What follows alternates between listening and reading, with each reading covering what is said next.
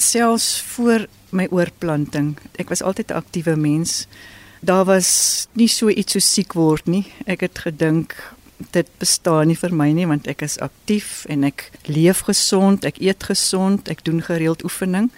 En wat my aanbetref was dit die suksesresep vir 'n gesonde lewe.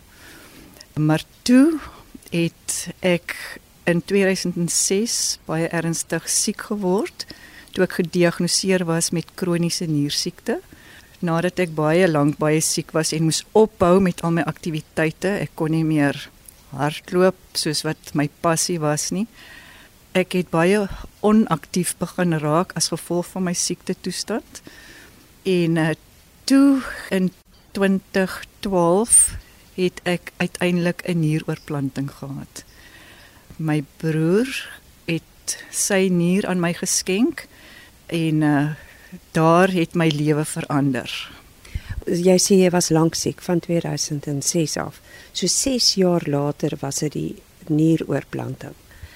Dan was jy al 'n lang tyd wat jy stil gesit het en vandag sê jy beweeg.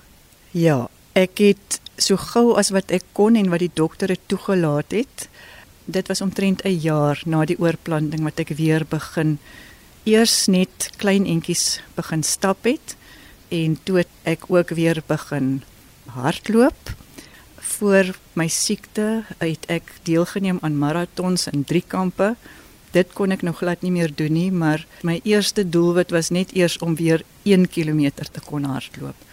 En uh dit het stadig gekom. Dit was maar so stap draf, stap draf, maar uiteindelik kon ek weer 'n kilometer aan mekaar hardloop sonder om te stop. En toe was my volgende doelwit om darm weer 5 km te kon hardloop. Dit het nou 'n rukkie geneem, maar ek het aangehou oefen. Party dae moet 'n mens maar oorslaan, want as jy so moeg van die vorige dag, dan doen ek dit net elke tweede dag. Maar as ek 'n dag nie kon hardloop nie, dan het ek wel gaan stap. Ek het net gevind dat 'n mens soveel beter voel as 'n mens net beweeg. As jy enige iets doen, as jy net aktief is op enige manier, dan voel jy soveel beter. 'n Mens moet net nie gaan sit of nog erger op jou bed gaan lê as jy nie lekker voel nie. Jy moet aanhou beweeg.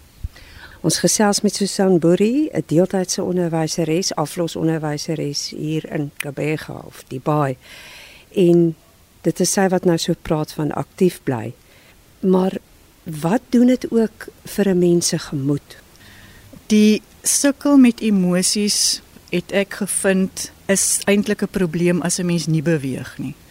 Dit is al oor en oor bewys en ek is seker daarvan daar is al navorsing ook daaroor gedoen dat as 'n mens oefening doen, dit nie net goed is vir jou geestelike welstand nie, maar ook vir jou liggaamlike welstand. So jy voel baie beter, jy kan baie meer dinge doen en regkry as jy oefening doen en daai ek het al gehoor hulle praat van 'n goed voel hormoon en ek is seker daarvan dit word afgeskei as 'n mens oefen en as 'n mens aktief is. En dit is ook hoekom ek probeer om wat ek ook al kan doen om aktief te wees om soveel daarvan as moontlik te doen soos wat jy nou sê van dit het 'n geestelike en 'n lig oefening het 'n geestelike en liggaamlike positiewe invloed op 'n mens. Maar kon jy voel dat jy ter neergedruk raak toe jy baie stiller moes wees? Dit is definitief vir my 'n mens voel soos hulle mos nou sê mens voel baie meer af as jy nie kan doen wat jy wil doen nie. En dit was nog altyd deel van my lewenstyl om aktief te wees. En om dan te moet stil sit en siek te voel en nie te kan beweeg soos wat jy gewoond is nie dit was vir my baie moeilik. Dit was vir my swaar. En dit is hoekom ek die hele tyd probeer planne maak om net net te beweeg. Want dan weet ek gaan ek beter voel Nou van beweeg gepraat, jy het nou met die afgelope nasionale oorplantingsspele hier in die baai, het jy in 4 items nou al gedeeltelik gekwalifiseer vir die wêreldoorplantingsspele. Maar jy het ook 'n paar rekords verbeter. Ehm um, ja.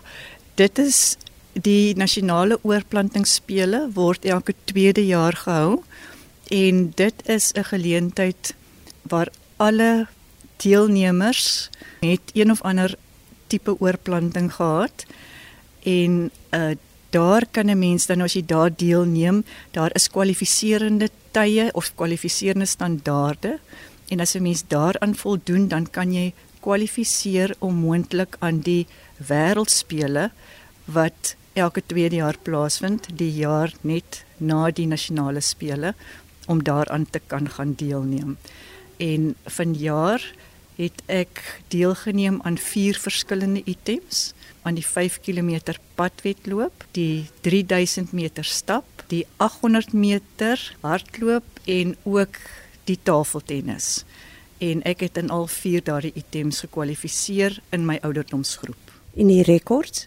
Omdat ek hierdie jaar vir die eerste keer in 'n nuwe ouderdomsgroep is, so mense raak mos nou maar ouer elke jaar, het ek in die 800 meter 'n rekord opgestel en ook in die 5 km padwedloop. Wat dryf jou om net na die beste te streef en in al hierdie moeilike tye, wie was jou rolmodel? Wie het jou geïnspireer?